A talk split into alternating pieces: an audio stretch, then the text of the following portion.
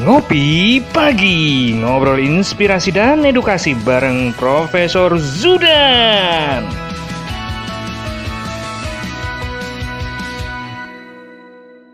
Cara ini didukung oleh Desa Wifi Tol Langit Desa Indonesia.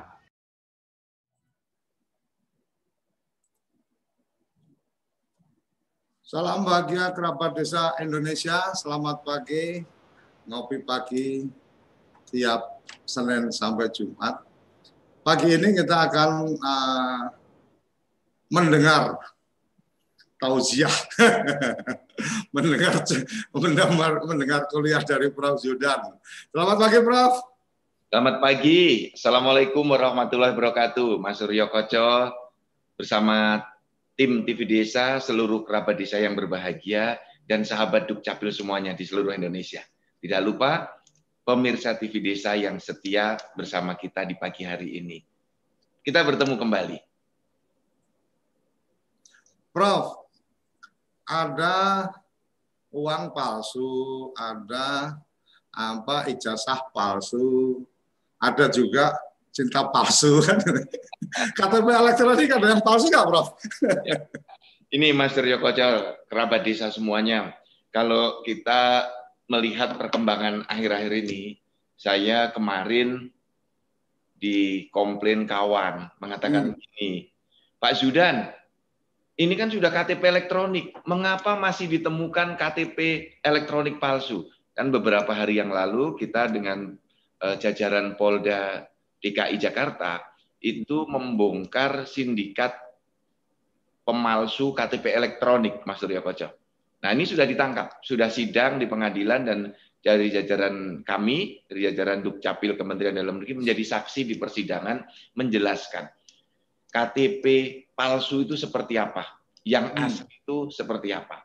Dan ini memang terjadi, Mas Surya Koco. Jadi eh, rekan-rekan semuanya, kerabat desa, kita masih harus tetap waspada. Pemalsuan KTP elektronik itu masih terjadi, walaupun tingkatannya sudah berkurang sangat banyak, tetapi tetap kita harus waspada. Ini Mas Suryo Koco, kalau dari beberapa kasus yang terjadi, saya cermati terjadi satu fenomena yang mana masyarakat, lembaga-lembaga perbankan, lembaga asuransi, rental mobil Jangan salah, jangan lupa, banyak menjadi target sasaran KTP palsu. Kemudian oh. membuka rekening di berbagai bank yang belum kerjasama dengan Dukcapil.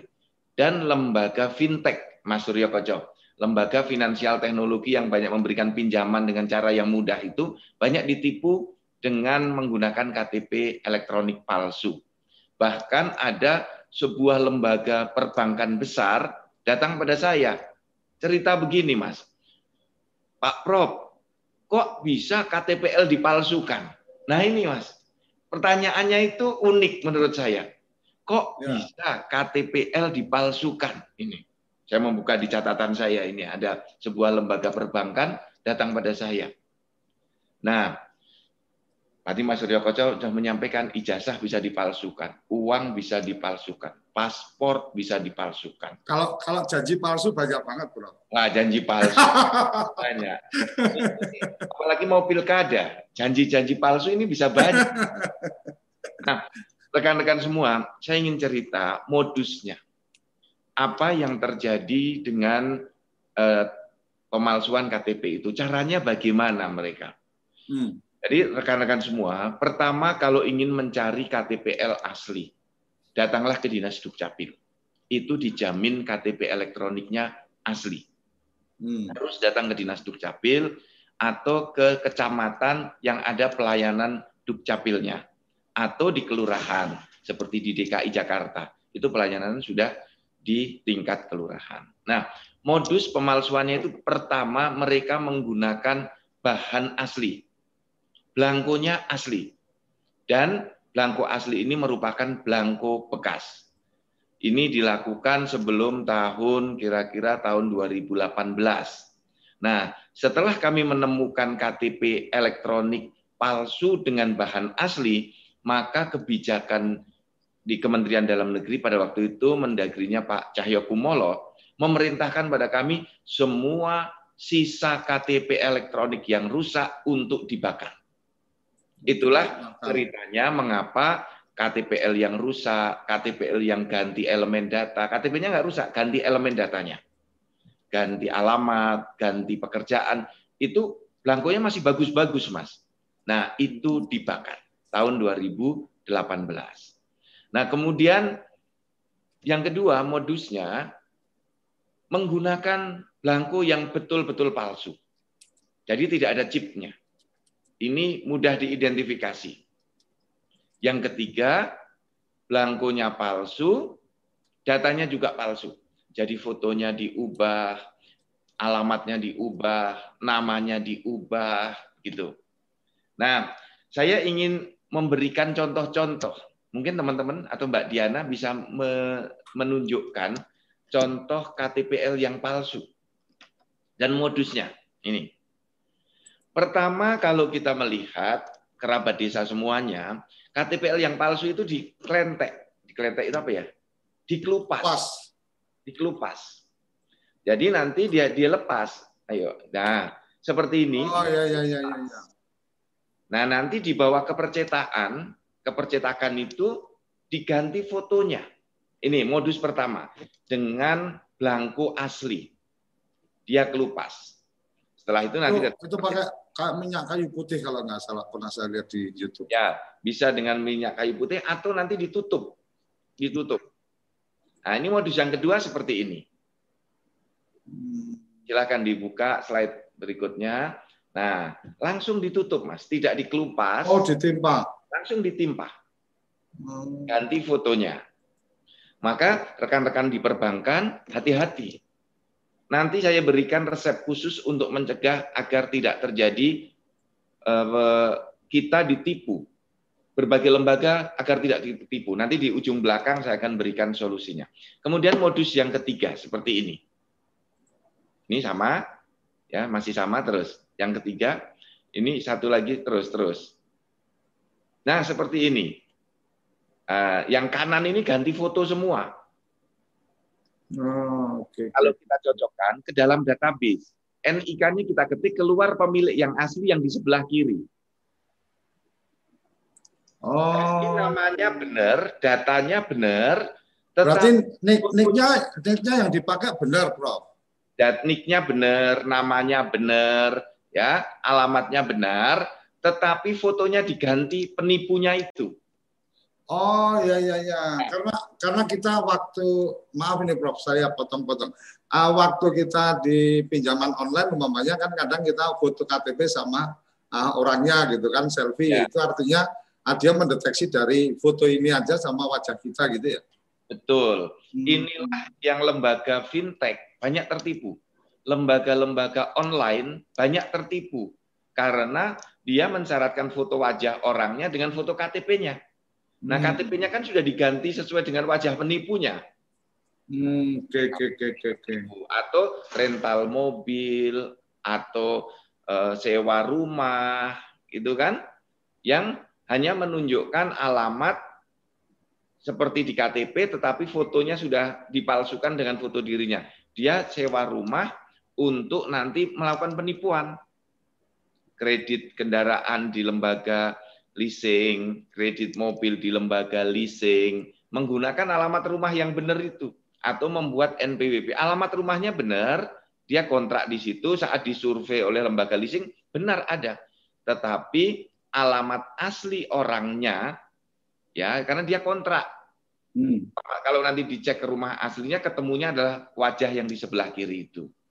Nah, kasihan bapak yang di dua tiga bapak yang sebelah kiri itu. Karena hmm. katanya digunakan. Ada lagi contoh yang lain. Pada waktu itu mengemuka saat pilkada DKI. Ini. Jadi ada tiga KTP dengan wajah yang sama dan dia juga memalsukan NPWP-nya. Ush. Jadi di KTP dia palsukan, kemudian dia ngurus NPWP. Nah, ini juga dipalsukan. Nah, jadi berbagai lembaga saya minta waspada. Badan Pertanahan Nasional harus waspada, kantor pajak harus waspada, kantor perbankan harus waspada. Jadi saya terima kasih Mas Suryo Koco dari TV Desa, kita bisa sosialisasi kewaspadaan dini. Iya, iya, iya. Walaupun sudah KTP elektronik, itu masih bisa dipalsukan. Nah, saat pilpres itu juga isu muncul banyak sekali. Karena begini, saya melihat kalau isu tentang dokumen kependudukan itu mudah sekali digoreng. Kalau ijazah palsu tidak terlalu ribut. Hmm. Paspor palsu tidak terlalu gaduh. Tetapi giliran KTP palsu, wah, gaduhnya luar biasa. Nah, untuk Karena, itu karena dampaknya kali ya, Bro. dampaknya akan banyak. Dia bisa nanti ngurus ke dokumen yang lain. Hmm. Contoh ini langsung dia bisa mengurus NPWP. Nah, KPU nanti saat pilkada serentak di 270 kabupaten, ya, eh, di 270 daerah pemilihan, jumlah kabupaten kotanya 309, karena ada yang pilkada gubernur, itu harus waspada. Jadi daftar pemilihnya harus benar dulu.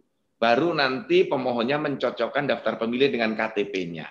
Harus dengan KTP elektronik atau minimal surat keterangan dari Dinas Dukcapil. Nah, Mas Suryo Koco, apa sanksi bagi yang memalsukan ini? Pidananya berat. Pertama, kalau dia memalsukan saat mau membuat dokumen kependudukan. Ini dulu. Belum di KTPL-nya, tapi memalsukan data. Memasukkan data di eh, pada saat mendaftar di dokumen kependudukan. Ya, misalnya saya alamatnya di desa X, kemudian saat membuat KTP mengatakan alamatnya di desa Z. Itu memalsukan dokumen. Hmm, Kemudian nama saya Zudan, kemudian mengaku sebagai Ahmad. Itu memalsukan dokumen. Kemudian merubah tanggal lahir berbeda dengan di akte kelahiran secara sadar, tanpa memberitahukan kalau ada perubahan dengan mengisi formulir, itu memalsukan dokumen. Nah, ini memal- itu, Prof. ada, Mas. Ini diberi sanksi enam tahun. Sanksi Ada pidana. sanksi pidananya berarti. Ada sanksi pidananya yang memalsukan dokumen itu enam tahun Ush. dan denda 50 juta. Nah, kemudian ada lagi di pasal 94, kalau ada yang merubah data, menambah data, mengganti data seperti KTP ini ya Mas yang palsu di sebelah kanan itu kan mengganti data. Oh ya ya ya. ya. Nama aslinya yang sebelah kiri, foto aslinya sebelah kiri. Nah, ini sanksinya dua tahun. Ditambah denda 25 juta. Hmm. Ada lagi yang lebih berat. Pasal 96. Sanksi pidananya sampai 10 tahun yaitu dia mencetak belangko. Mendistribusikan belangko sampai kemudian mendistribusikan dokumen-dokumen. Jadi mencetak belangko, menerbitkan menjadi dokumen dan mendistribusikan. Itu pidananya 10 tahun dan denda 1 miliar. Jadi hati-hati para pelaku kejahatan memalsukan dokumen kependudukan termasuk KTP elektronik itu maksimal bisa dipidana 10 tahun dan denda 1 miliar. Tetapi bisa dikumulatifkan karena ada yang memalsukan dokumen saat membuat, memalsukan nama saat membuat, mengganti data saat membuat. Jadi bisa ada pemberatan kumulatif pasal 93, 94 dan 96. Nah, ini sanksinya berat. Oleh karena itu saya terima kasih TV Desa bersama Mas Suryo Koco dan tim, mari sosialisasikan ini terus. Seluruh kawan-kawan di Dukcapil kerabat desa nanti dari YouTube-nya Dukcapil, YouTube-nya dari TV Desa, share ke mana-mana agar masyarakat tahu bagaimana cara mencegahnya dan sanksi pidana yang berat itu agar orang keder, agar para penjahat takut. Nah solusinya begini Mas Suryo Koco. Ya. Mbak Diana, coba dibuka ada dua cara bagi kita, bagi berbagai lembaga untuk mencegah agar tidak ada pemalsuan lagi.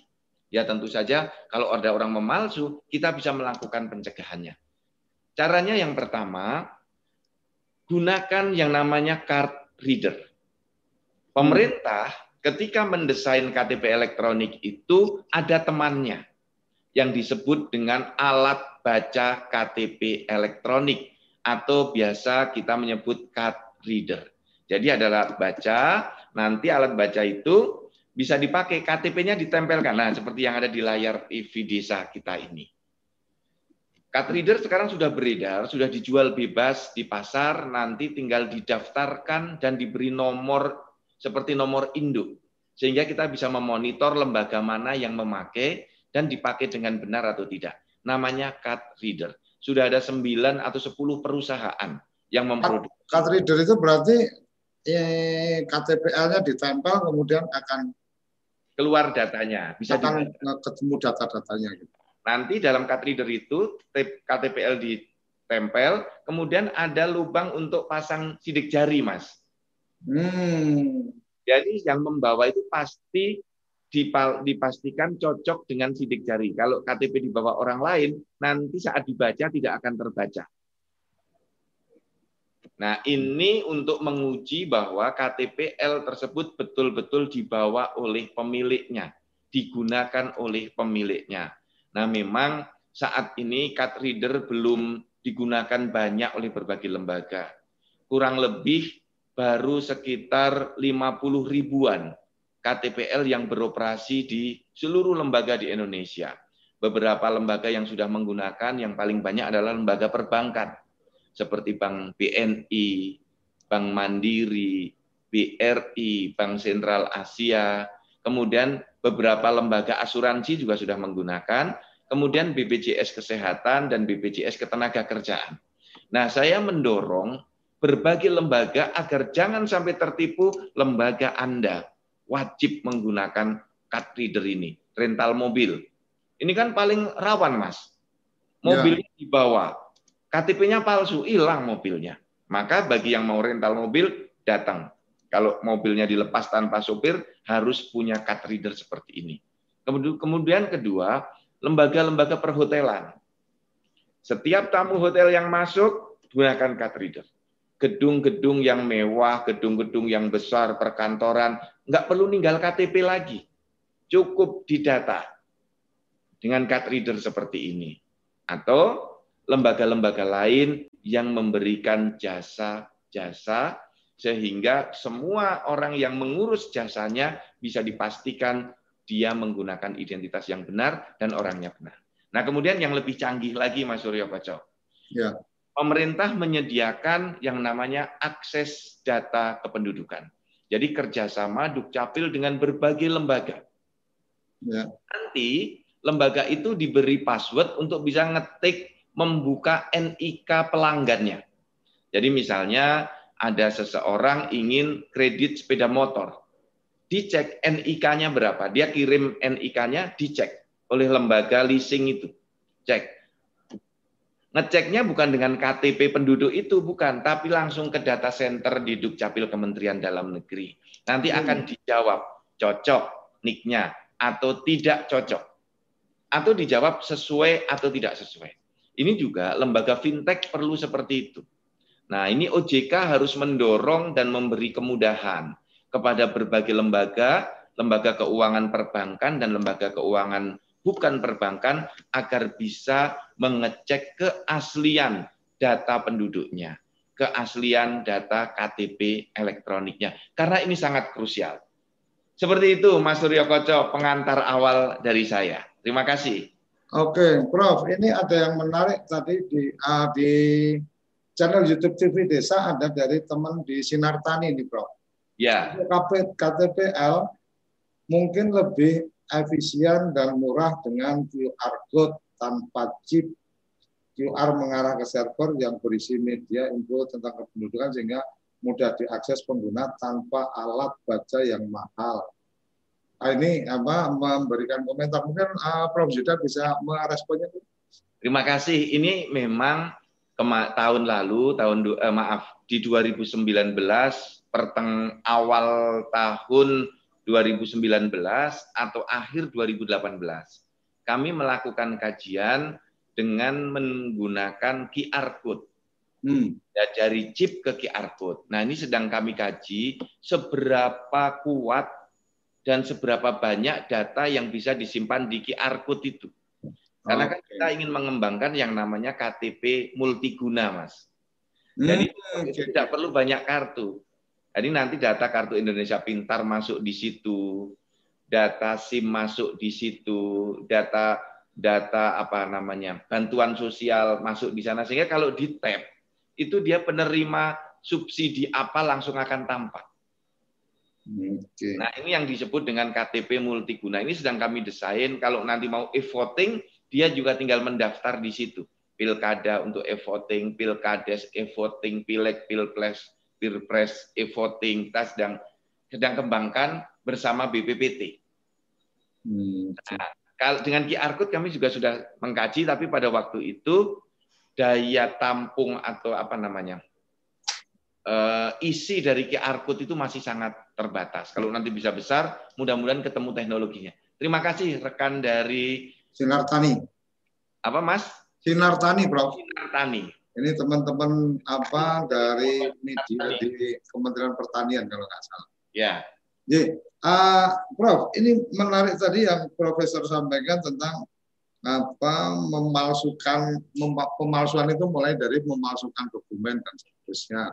Memang kalau kita mengingatkan artinya berhati-hati penipu karena ada gini gini gini sebenarnya mereka lebih berhati-hati supaya nggak ketahuan aja kan gitu. Tapi salah satu yang menarik tadi QR apa uh, card reader kemudian dikoneksikan dengan sidik jari ya Prof ya. Ya. Itu kan kalau tadi saya melihat yang disampaikan Prof Yudan tadi itu kan masih dalam konteks ada perangkatnya kemudian secara fisik dia harus datang kan gitu. Nah, uh, apakah mungkin Prof yang seperti ini dikembangkan untuk kemudian itu ada di platform aplikasinya? Kan seperti uh, perangkat-perangkat yang sekarang ada apa uh, taruh kata nih pengaman untuk handphone kita nggak bisa dibuka orang lain pun pakai sidik jari kan gitu. Ya. Artinya bahwa kemudian combine antara bahwa oke okay, nggak perlu ngirim sampai ke fotonya, tapi yang penting nih habis itu nih kemudian dia tempel sidik jari ke situ, kemudian dari dua data itu dikonfirmasi ke apa akses dukcapil, kemudian dukcapil menyampaikan oke okay, approve apa uh, data sesuai uh, data yang diberikan sesuai dan seterusnya. Kira-kira gimana, Prof? Insya Allah itu bisa kita lakukan Mas Surya Koco ke depan kita akan menggunakan berbagai metode verifikasi. Oke. Ini kan metode pertama NIK. Ya, betul. NIK. Tapi NIK itu masih jebol, Mas. Artinya NIK perlu di apa dikonfirmasi dengan data yang lain kan gitu, Bro. Ya. Karena apa? Kenapa saya mengatakan masih jebol? Karena masih ada lembaga yang tertipu karena NIK-nya dipakai oleh orang lain, misalnya NIK saya dipakai oleh adik saya yang dia tahu betul data saya. Nah, Hmm. ibunya kan tahu kan? Nah, itu bisa dipakai karena hanya single identification. Hanya menggunakan satu identifikasi. Nah, minimal harus ada dua faktor, two factor identification atau two factor authentication. Jadi yang, ada yang paling aman dengan sidik jari itu ya, Prof. sama bisa varian-varian, Mas. Oke. Jadi di catatan saya minimal ada tiga faktor yang bisa menjadi pendamping NIK. Hmm. Itu wajah dengan face recognition. Ini sudah kita pakai. Hmm. Jadi nanti penduduk mengisi NIK-nya, nanti perbankan mencocokkan dengan foto wajah. Jadi nanti penduduk mengirim NIK, membuka rekening bank, wajahnya difoto, Mas. Difoto begini dengan handphone, nah nanti dikirim ke lembaga perbankannya. Jadi akan dicocokkan cocok atau tidak cocok, mirip atau tidak mirip dengan foto wajah. Yang kedua dengan sistem sidik jari biometrik. Ya. Itu juga bisa dipakai. Nah, nanti sedang kita kembang. Saat ini kita sedang mengkaji agar sistemnya aman. Karena handphone kita kan belum terkoneksi dengan data center, Mas. Ini ya, belum belum kita belum bisa ke sana untuk saat ini. Tetapi sudah ada alat yang dikembangkan yang digunakan oleh Polri dengan sidik jari langsung terkoneksi ke Dukcapil. Jadi hati-hati rekan-rekan semua para pelaku kejahatan Anda akan mudah ditangkap oleh Polri. Jadi tinggalkan tertinggal sidik jari di mobil, tertinggal sidik jari di senjata. Kalau ada pembunuhan, pesonya ketemu, kepegang sidik jari, sidik jari itu cocokkan dengan data Dukcapil, akan bisa diketahui siapa pelaku kejahatannya, termasuk korban. Karena ini sudah digunakan lama untuk penanggulangan terorisme, mencari korban eh, kejahatan, meninggal dunia, sidik jarinya dipasang di atas alat, langsung datanya bisa dibuka. Nah, kemudian yang ketiga yang disebut dengan digital signature. Digital signature, tanda tangan digital. Jadi sudah ada berbagai lembaga di Indonesia yang mengembangkan tanda di, tanda tangan digital yang ini nirsangkal. Orangnya tidak bisa lagi menyangkal bahwa ini bukan tanda tangan dia. Tidak perlu uji forensik, dia karena memasangnya dengan password. Jadi misalnya saya mendaftar tanda tangan digital saya, hanya saya yang yang bisa mengoperasionalkan. Kecuali password saya diberikan ke orang lain. Nah nanti NIK dan tanda tangan digital juga bisa. NIK dengan sidik jari juga bisa. NIK dengan wajah juga bisa. Tetapi kalau misalnya orangnya bisa datang, tidak usah dengan NIK, Mas. Sidik jari sudah bisa. Hmm. Orangnya harus datang langsung saat ini untuk sidik jari. Karena dari statistik sidik jari itu hanya satu dari satu miliar orang yang sama sidik jarinya. Kemungkinannya itu. Jadi, Oke, Prof. Uh, kemarin saya uh, mencoba untuk kebetulan saya KTP DKI, saya mencoba untuk apa uh, aplikasinya Alpukat DKI, uh, Alpukat Betawi.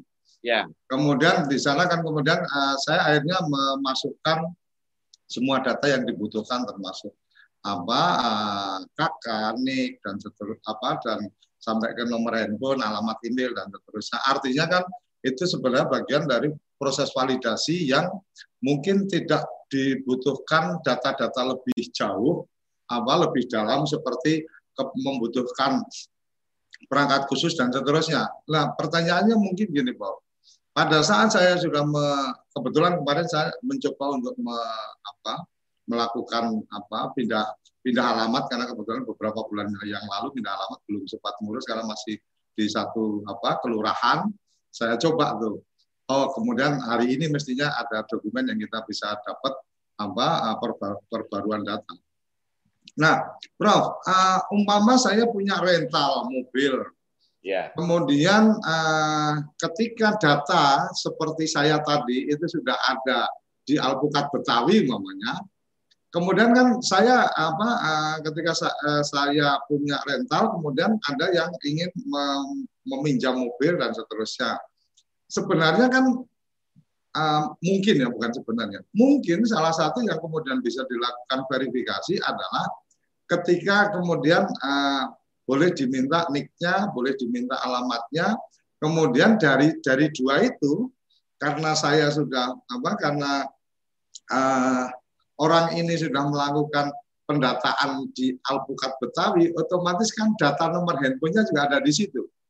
Jadi ketika kemudian ternyata dia mengirim atau berkontaknya tidak menggunakan nomor handphone yang terdaftar di situ, maka uh, bisa saja kemudian itu kita berasumsi bahwa oh ini nggak valid. Umpamanya seperti itu. Artinya nggak perlu ada apa uh, di perangkatnya yang yang menghubungi atau di perangkatnya apa pengguna jasa maupun penyedia jasa itu kan nggak perlu perangkat sampai kemudian ada ada apa uh, sidik jari apa card dan seterusnya.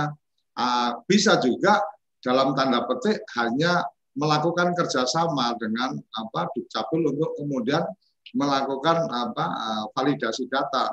Nik ini nomor handphone ini. Oh, data benar, oh data tidak benar dan seterusnya. Mungkin nggak Prof yang seperti itu, Prof?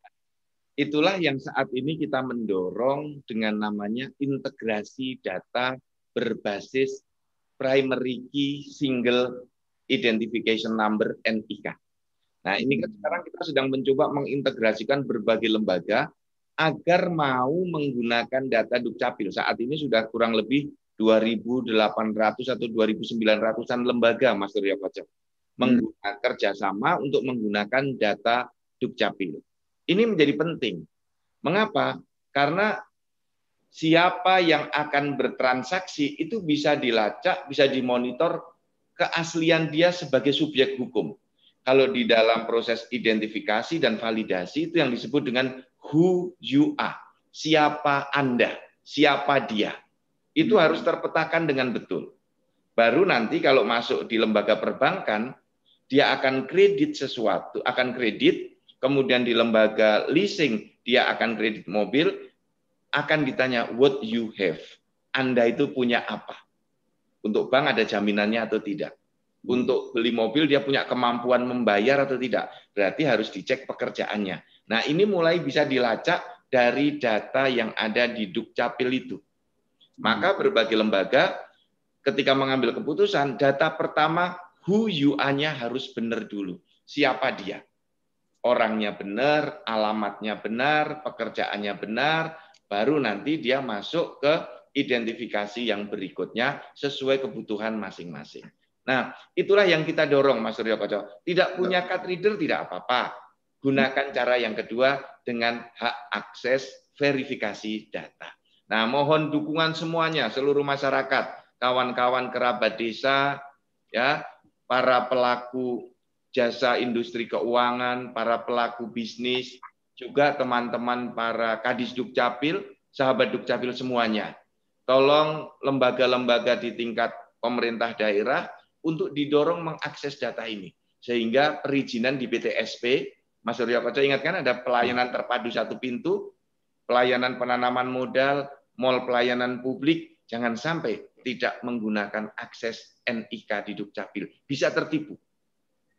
Oke. Prof ini nggak terasa sudah di tengah waktu uh, kita ngopi, jadi seperti biasa kita mesti ngaduk kopi dulu untuk kemudian kita akan kembali lagi bersama Prof Zudan di ngopi pagi. Jangan ke mana-mana, tetap di ngopi pagi bareng Prof Zudan. Kamu tinggal di pulau terpencil, pegunungan pinggiran kota, atau daerah di Indonesia yang tidak terjangkau jaringan fiber, ADSL, dan juga 3G. Internetan dengan cepat pasti cuma akan menjadi mimpi. Mau pakai tol langit, pakai desa wifi, kunjungi www.desawifi.id.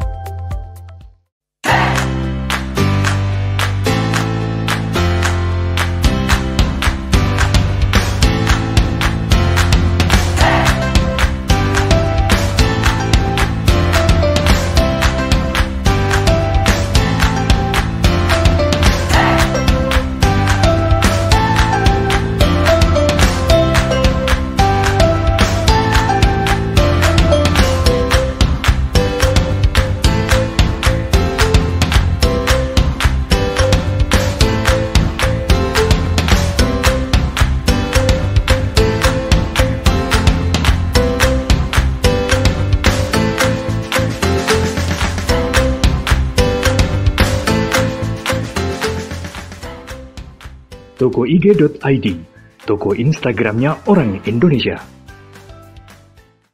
Ayo, kandidat kepala daerah, manfaatkan kesempatan ini. TV Desa mengundang Anda bicara desa. 5 menit bisa. Bicara Desa. Sebuah program tayangan monolog, konsep membangun dari desa. Dari kandidat untuk masyarakat. 5 menit bisa. Bicara Desa hanya di TV Desa. Oke, kembali lagi kita di ngopi pagi. Prof, ini ada ada lagi uh, dari Afumato Sorihin di channel YouTube TV Desa itu uh, menyampaikan apakah Dukcapil mendapatkan data balikan dari pengguna card reader jadi setelah dipasang apa bahwa ada yang datang kemudian ditambah untuk mendapatkan data validasi apa sidik jari Uh, kalau nggak salah tadi Prof. Judan menyampaikan supaya itu diregistrasikan. Mungkin itu yang dimaksudkan oleh apa teman kita Afumato Sorihin. Silakan, Prof. Ya, terima kasih Pak Afumato, rekan-rekan semuanya kerabat desa.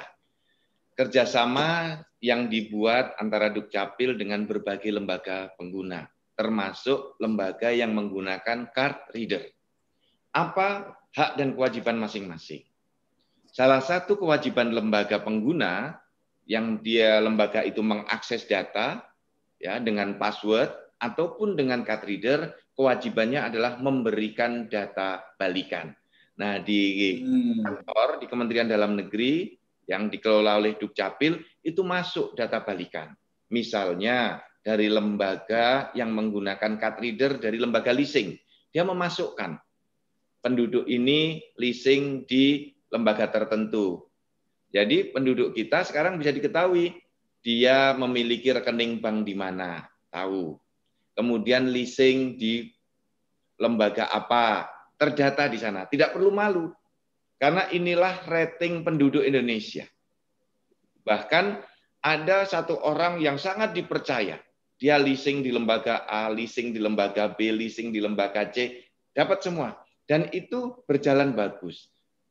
Artinya dia tetap dipercaya oleh lembaga itu untuk mendapatkan leasingnya. Dan lembaga yang menggunakan card reader tadi rutin menyerahkan data balikan kepada Dukcapil Kementerian Dalam Negeri. Oke, oke, Prof. Nah, Prof, sekarang uh, tadi uh, Prof Yudan kan menyampaikan uh, salah satu contoh Hmm. tadi adalah rental mobil nih dengan jumlah rental yang demikian banyak dan seterusnya memungkinkan nggak memungkinkankah ketika uh, karena kan rental kan ada juga tuh yang apa uh, artinya kecil-kecil dan seterusnya. Memungkinkan enggak ketika asosiasinya yang bekerja sama dengan Dukcapil artinya asosiasi rental mobil Jakarta umumnya atau asosiasi rental mobil Semarang itu yang bekerja sama dengan Dukcapil untuk melakukan apa konfirmasi data. Taruh kata oke okay, eh, saya salah satu anggota rental maka saya hanya akan apa saya perlu menyampaikan mungkin lewat organisasi eh, bahwa ini ada yang masuk ke saya nama ini apa eh, nomor KTP ini kemudian informasi ini kemudian dari pihak asosiasi yang melakukan akses atau mungkin ada cara-cara lain yang eh, yang mungkin secara kebutuhan akses nicknya ada, tetapi karena usahanya kecil kan untuk apa uh, sementara dia punya apa asosiasi, nah, kenapa tidak kemudian memanfaatkan asosiasi itu? Kira-kira gimana, Bro? Ini ide yang bagus sampai saya catat tadi Mas Surya Biar saya ingat. Karena banyak ide-ide positif dari ngopi pagi bersama TV desa ini, termasuk yang dulu ide kerjasama antar desa untuk akses ya. ke tingkat desa. Kemudian anjungan Dukcapil Mandiri bersama beberapa desa. Ini kan ide menarik yang lahir dari diskusi kita pagi seperti ini. Nah, asosiasi rental mobil pulih bekerja sama untuk menggunakan akses verifikasi data bersama Dukcapil dan digunakan oleh anggotanya. Ini sudah pernah diawali oleh asosiasi BPR, Mas Suryo Koco. Oh, oke, oke, oke. Bank Perkreditan Rakyat, namanya Perbarindo. Jadi Hmm. Perbarindo ini kan memiliki anggota ribuan. Ya, BPR yang tidak semuanya besar. ya Ada betul. BPR kecil dan nggak akan mampu kalau dia mengakses langsung karena harus beli peralatan yang cukup mahal. Hmm. Maka dibantu oleh Perbarindo cara mengaksesnya dengan membuat jaringan bersama. Nah, sekarang dikenal platform bersama yang bisa digunakan oleh anggota asosiasi. Hmm. Rental itu kan anggotanya bisa puluhan ribu ya Mas ya seluruh Indonesia. Nah, nanti asosiasi ini mengayomi semua anggotanya. Nanti dibuat jaringan bersama sehingga murah biayanya dan aksesnya juga bisa terjaga. Nanti penanggung jawabnya juga bisa diketahui dengan mudah dilacak. Kalau ada yang menyalahgunakan data juga bisa mudah dilacak. Nah, artinya kita melakukan mitigasi risiko juga, Mas. Karena Indonesia ini kan harus tetap kita waspada ini yang kerjasama ini. Karena peluang nakal selalu ada. Hmm. Peluang untuk bandel dari lembaga pengguna itu selalu ada. Mengapa saya tahu begitu? Karena saya mematikan apa? Aksesnya saya matikan. Tiga hari ini kami baru mematikan akses tiga lembaga besar di Indonesia. BUMN, Mas. Oh, Kami matikan aksesnya karena karena bandel. Satu, artinya ada komitmen-komitmen yang mestinya dijaga dan seterusnya Iya. itu tidak apa mestinya dilakukan dan seterusnya itu tidak di- dilakukan. Betul. Misalnya dia harus memberikan data balikan. Dia tidak memberikan data balikan. Hmm. Kita matikan. Kemudian ada lembaga yang dia tidak boleh membuat ini apa namanya aplikasi baru sehingga data kita bisa dibaca. Dia membuat itu, kita matikan. Tanpa memberitahu atau memang secara komitmennya nggak boleh? Komitmennya tidak boleh dan dia melakukan itu tanpa melapor. Oh, oke. Nah, itu kita matikan. Kemudian ada satu lagi lembaga yang mestinya dia tidak min, dia dalam kerjasamanya tidak menggunakan face recognition, hanya menggunakan NIK. Nah ini kemajon ini kalau bahasa Jawanya lembaga ini kemajon. Oh artinya kesepakatannya hanya menggunakan apa, hanya menggunakan data-data di level tertentu, Betul. kemudian dia masuk ke level yang lain tanpa permohonan baru, tanpa ya. pemberitahuan. Betul. Nah kita kan bisa tahu kalau foto penduduk itu dipakai, dia hmm. melakukan FR kan tahu sumber data yang paling akurat dari foto itu hanya di Dukcapil. Kalau tempat lain itu tidak sebanyak yang dimiliki Dukcapil. Hmm. Misalnya SIM, yang nggak sebanyak di Dukcapil. NPWP, datanya tidak sebanyak di Dukcapil. Nah ini kita matikan. Jadi saya mengambil langkah tegas, lembaga yang kerjasama tetapi tidak memenuhi komitmen, kita off-kan jaringannya sampai mereka menyatakan ini perbuatan kami yang terakhir. Kalau besok melanggar lagi, kita matikan secara permanen. Tidak boleh kerjasama lagi. Bayangkan kalau nggak bisa kerjasama lagi, dia nggak bisa verifikasi. Artinya sebenarnya ini lebih pada uh, uh, mungkin saya melihatnya, bro, ada bagian lain bahwa ketika memberikan data balikan ada kekhawatiran dia untuk kemudian data itu kemudian oh jadi terdetek nih ada konsumen kita dan seterusnya. Artinya bicara digital, bicara trust. Ketika kemudian tidak ketika masih ada pemikiran bahwa oh data saya bisa aja nih dipakai sama Dukcapil untuk keperluan apa kompetitor dan seterusnya artinya dia tidak ada trust ke Dukcapil kalau sudah tidak ada trust ya memang bisnis apa pun nggak akan bisa berjalan jadi menurut saya sih sebenarnya ya itu bagian yang teman uh, teman-teman yang sudah melakukan kerjasama ya kemudian harus paham betul bahwa Dukcapil adalah uh, lembaga yang terpercaya yang pasti menjaga integritasnya. Jadi ketika kemudian data balikan diminta pun sebenarnya ya nggak ada masalah karena juga nggak akan ke mana-mana juga, nggak akan dijadikan sumber data ke kompetitor dan seterusnya kan gitu, Prof. Kira-kira, Prof. Karena karena ini bicara bisnis kan gitu, Prof. Jadi ada kekhawatiran juga ketika oh ada data balikan, wah ini apa Prof Judan dan tim jadi tahu nih klien-klien potensial kita mungkin bisa jadi seperti itu, Prof. Ya, Mas Suryo Koco, dalam ya. catatan saya, beberapa waktu yang lalu dalam forum kita juga di TV Desa, saya pernah ya. menyampaikan contoh di Estonia, yang negara percaya dengan rakyatnya, ya, betul, rakyat betul. percaya dengan negaranya, antar institusi juga saling percaya. Ya. Dalam kerjasama yang dibangun ini tentu saja trust, seperti yang disampaikan Mas Koco, itu faktor pertama.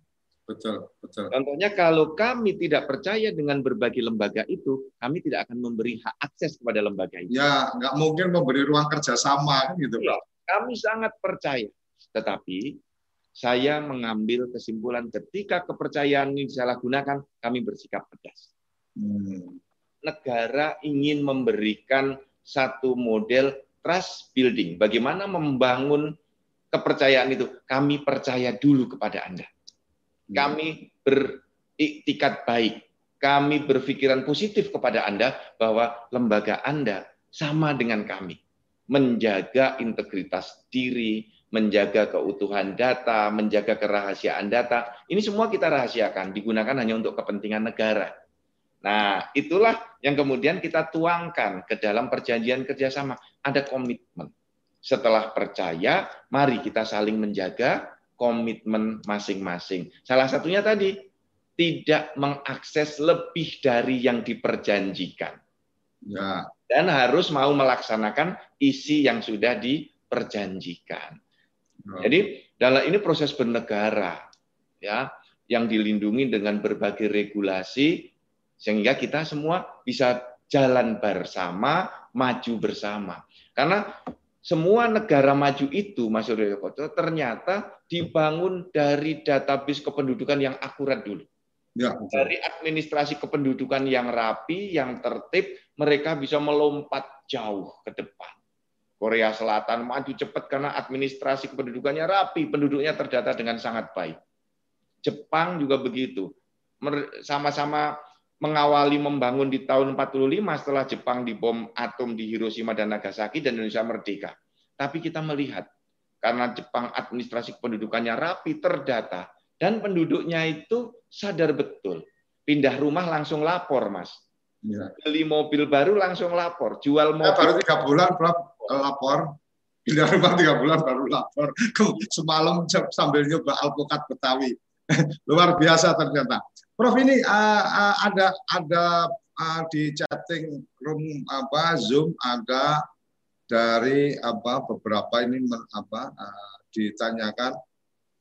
Dari ketika uh, Muhammad Imron balik papan baru. Kalau instansi belum punya card reader, ketika NIK input di sistem terbaca, NIK tidak terdaftar, apakah indikasi KTPL palsu? Ini satu. Kemudian uh, yang kedua, uh, adakah cara mengenali KTP palsu dengan melihat tanpa tam, uh, tam, dari tampilan saja? Ini terinspirasi dari uang palsu tadi kan ya. dilihat diraba di terawang itu kan kalau uang kalau uang ini kalau KTP seperti apa itu apa uh, silakan uh, Prof dua dulu ya dua saya baca di chat room ya. kita pertama dari Mas Imron kalau nick dibaca ya di input di sistem nick tidak terbaca belum tentu data-data dirinya itu palsu. Bisa jadi ini kasus yang kita terus analisis dan kita alami dalam praktek banyak nick yang saat di entry itu salah entry. Mestinya 08 ditulis 09 karena 8 dan 9 itu dekat.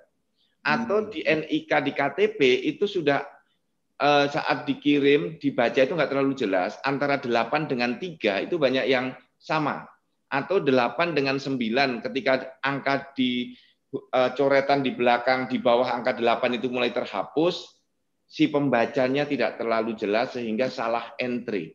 Jadi ada error saat menuliskan NIK. Jadi saat untuk menentukan palsu tidak terlalu mudah juga orang mengatakan eh KTP-mu tidak terbaca di data center berarti KTP-mu palsu tidak. Jadi diperlukan memang keahlian ya untuk membacanya. Kalau tidak ahli, gunakan card reader atau gunakan aplikasi dengan kerjasama. Tetapi kalau bagi yang pinter, memang membaca KTPL palsu dan datanya palsu, itu bisa kelihatan. Misalnya, ada KTPL palsu yang dibuat di tahun 2020, itu masa berlakunya 2025. Saya yakin tanpa card reader, tanpa hak akses, KTP itu palsu. Mengapa? Karena seharusnya tertulis seumur hidup. Ada lagi, ini untuk menjawab pertanyaan yang ini, yang di bawah tadi. Hanya cukup melihat tampilan saja. Bisa. Ada satu KTP palsu yang kami temukan, umurnya ternyata belum 17 tahun. Hmm. Statusnya ditulis masih belum kawin. Nah ini kan nggak masuk akal. Belum 17 tahun usianya, dan statusnya belum kawin. Jadi ini saya pastikan KTP ini palsu. Loh, Prof, kalau oh ya kalau 17 tahun KTP mestinya kartu identitas anak. Betul. Kalau di bawah 17 tahun anak itu harus membuat kartu identitas anak. Kecuali belum 17 sudah kawin, sudah itu kawin. dapat KTP. Ya, statusnya kawin. Jadi teman-teman semua kerabat desa, KTP itu bisa dibaca satu. Kalau palsu, KTP yang dibuat setelah tahun 2014 masa berlakunya ditulis ada masa berlaku lima tahun kemudian. Hmm. Jadi masih ada tahun keberlakuan. Itu itu batasnya sampai di 17 di 2014. 14. Artinya 14 maksimalnya berarti di 2019. Ya. Kalau berlaku di 2020, 21, 22, 23 dan seterusnya itu bisa dipastikan palsu karena dia memberikan data itu ya. Ya, jadi begini, KTPL yang dibuat setelah 2014 harusnya seumur hidup. Ditulis seumur hidup. Tapi kalau ada masa, masa berlakunya, berarti itu palsu. Yang kedua, dilihat status kawinnya. Kalau status belum kawin dan usianya masih di bawah 17 tahun, maka dia berarti KTP-nya palsu. Atau dilihat unsur-unsur di KTP yang lain. Kalau misalnya eh, ada KTPL tapi ada logo kabupaten, maka ini juga palsu.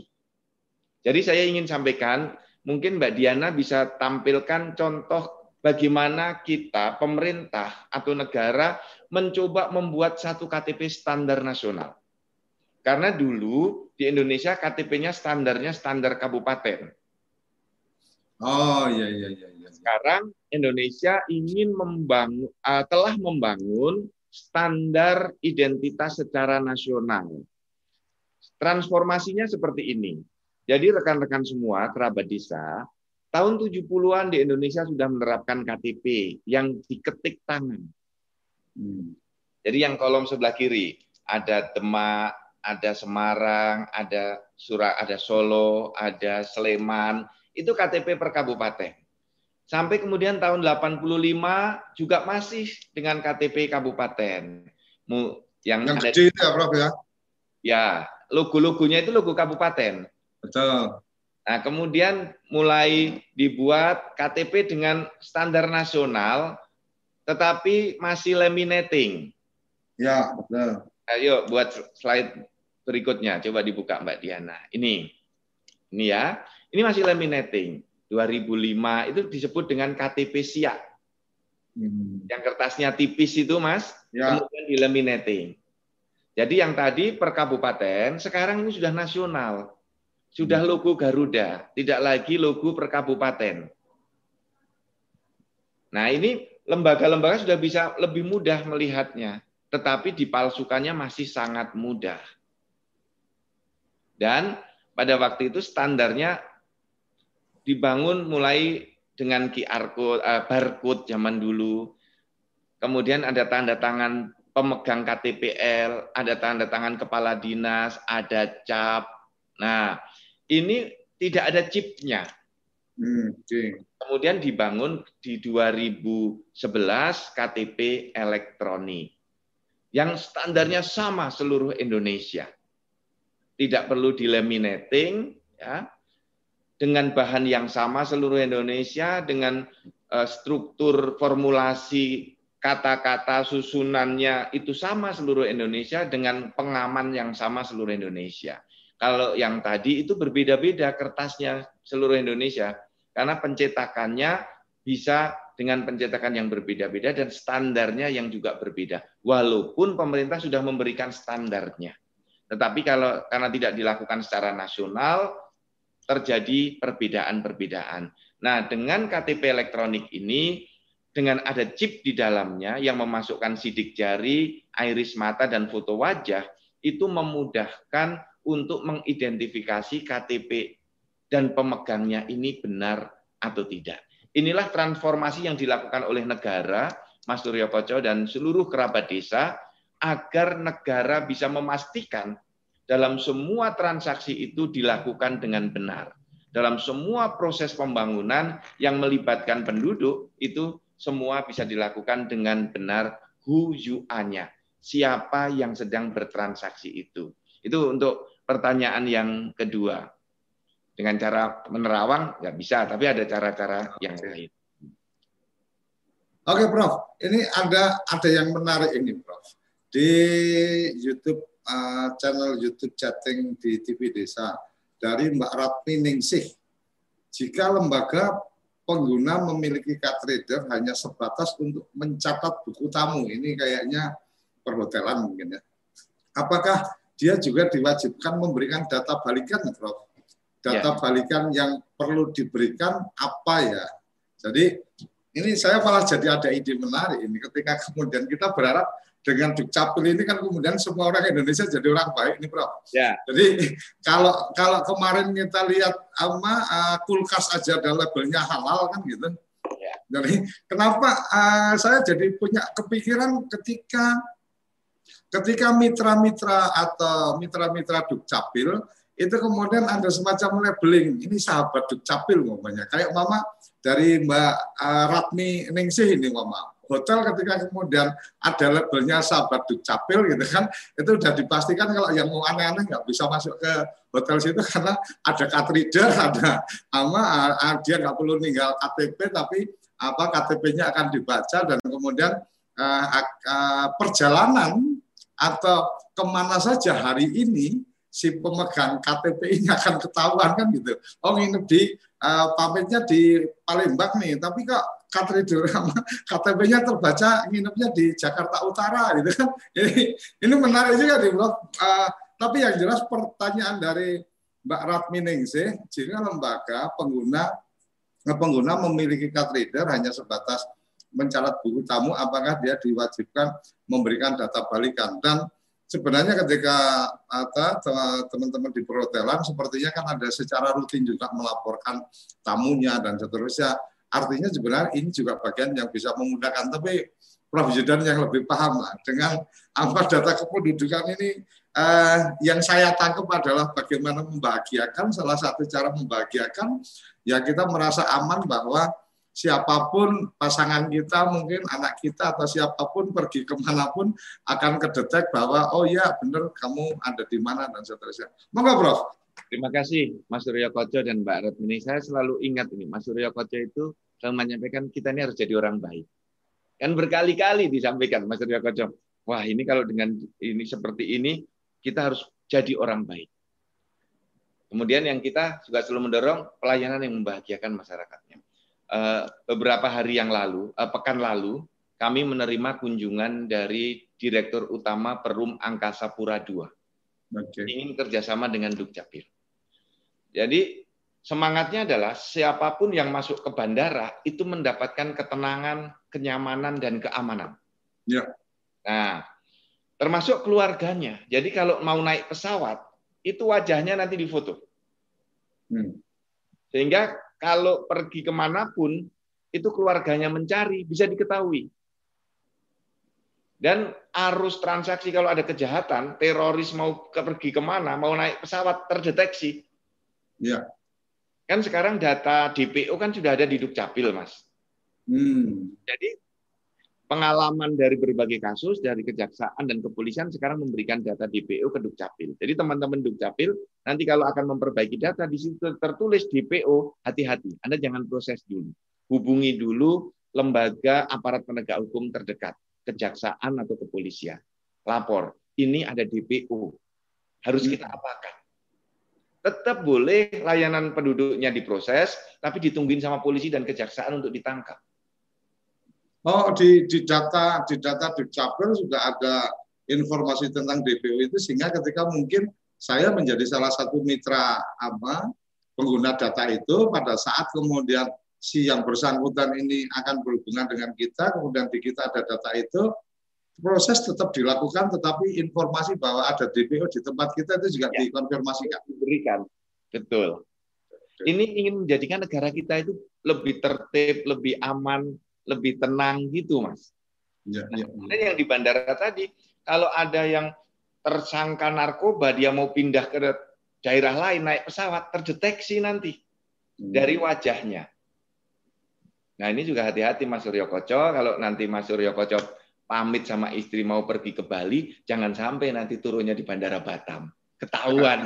sampai dan jangan sampai ketahuan turunnya di bandara yang bukan di Denpasar kan gitu. Apalagi nginepnya terdaftar tidak di hotel di Denpasar, nah itu tambah kacau lagi. Data tapi, tapi, tapi pertanyaan tadi belum belum terjawab ini Mbak Ratni. Teman-teman dari perhotelan sepertinya. Jadi data balikannya apa ini Prof? Ya, data di hotel, misalnya dia memberikan data, cukup di situ ditulis di Hotel Indonesia. Berarti dia pernah menginap di Hotel Indonesia. Oh, Nah, ini seperti yang dengan Polri, Mas, kita sedang mengembangkan nanti kalau nomor SIM, nomor kendaraan bermotor sudah masuk di kita. Ya. Nah, ini ingin mengembangkan sistem sanksi itu masuk ke dalam database kependudukan. Jadi pernah ditilang di mana, nanti masuk. Hmm. Nah ini dengan Mas ditilang di mana karena sudah punya SIM kan, belum ya. pernah punya SIM kalau siap ditilang. Bro, nggak berasa ini sudah sampai di ujung bahwa saya minta maaf harus memotong kuliah luar biasanya karena memang keterbatasan waktu. Ini tahu-tahu sudah delapan kasar. Silakan closing statement, Prof. seluruh pemirsa TV Desa, kerabat desa yang berbahagia, sahabat Dukcapil. Ada ide menarik tadi dari Mas Suryo Koco, host kita. Kita perlu mengembangkan satu ekosistem baru yang disebut dengan sahabat Dukcapil di berbagai lembaga. Dengan stiker, dengan poster, sehingga penanganan administrasi kependudukan itu betul-betul menjadi ruang bagi kita bersama untuk membangun peradaban baru di Indonesia berbasis data kependudukan yang rapi dan tertib. Nah, khusus pemalsuan KTP elektronik, kita harus tetap waspada. Seluruh kerabat desa, kita bisa mengecek keaslian KTPL dengan memahami elemen data di dalamnya. Tetapi kalau kita belum memahami elemen data, kita ragu ingin bertransaksi, gunakanlah card reader. Kalau kita ingin meningkatkan lebih tinggi lagi, gunakan dengan cara hak akses. Kalau berbagai lembaga belum bisa menggunakan hak akses secara mandiri, bisa kerjasama melalui asosiasi-asosiasinya. Kami akan membantu Ibu dan Bapak untuk bersama-sama membangun peradaban baru Indonesia melalui layanan administrasi kependudukan yang tertib dan rapi. Terima kasih TV Desa, Mas Suryo Koco. Assalamualaikum warahmatullahi wabarakatuh. Terima kasih Prof. Yudan. Jadi selalu pagi kita dapat asupan gizi yang luar biasa tentang kependudukan dan semoga selalu ada ide-ide baru, ide-ide menarik yang apa uh, kita bisa kembangkan dari eh, obrolan-obrolan pagi, ngopi pagi bareng Prof. Yudan sehingga ke depan benar-benar teman-teman di Dukcapil mampu memberikan kebahagiaan kepada seluruh masyarakat Indonesia karena memang ada bagian-bagian memang terjaga dengan baik. Saya pikir itu saja yang bisa saya sampaikan dan kita akan tetap ketemu Senin sampai Jumat pukul 7 sampai pukul 8 pagi waktu Indonesia bagian Barat. Jadi jangan pernah lupa pukul 7 ngopi bareng sama Prof. Yudan. Terima kasih, salam bahagia, Bapak Desa Indonesia.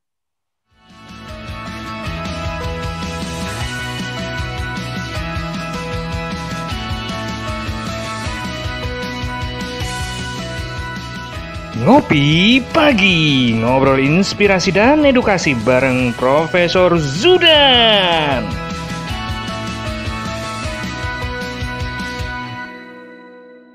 Cara ini didukung oleh Desa Wifi, Tol Langit Desa Indonesia.